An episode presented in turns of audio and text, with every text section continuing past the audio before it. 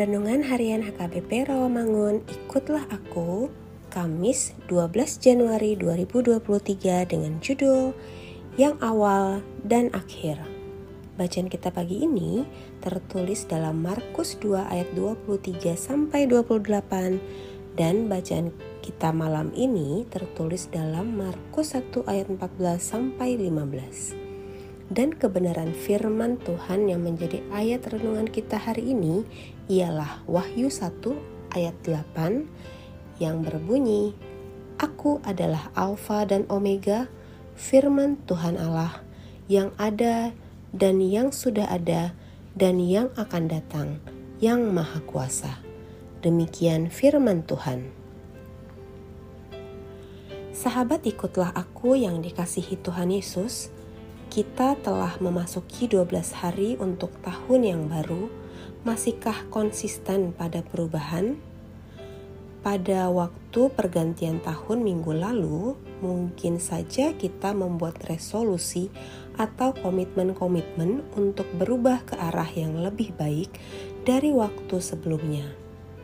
Resolusi yang muncul setelah menjalani tahun yang lalu dalam proses yang dianggap masih banyak hal yang harus diperbaiki.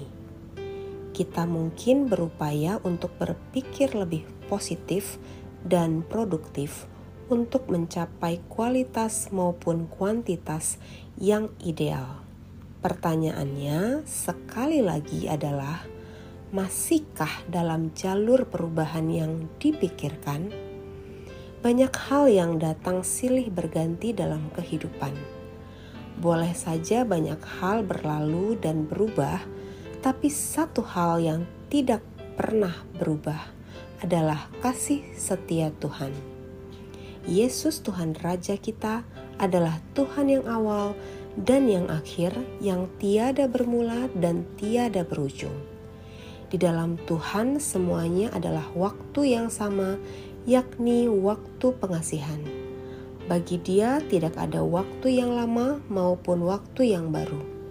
Demikianlah penyertaan dan kasih karunia-Nya tidak akan menjadi pudar atau berkurang pun bila kita mengalami perubahan kehidupan.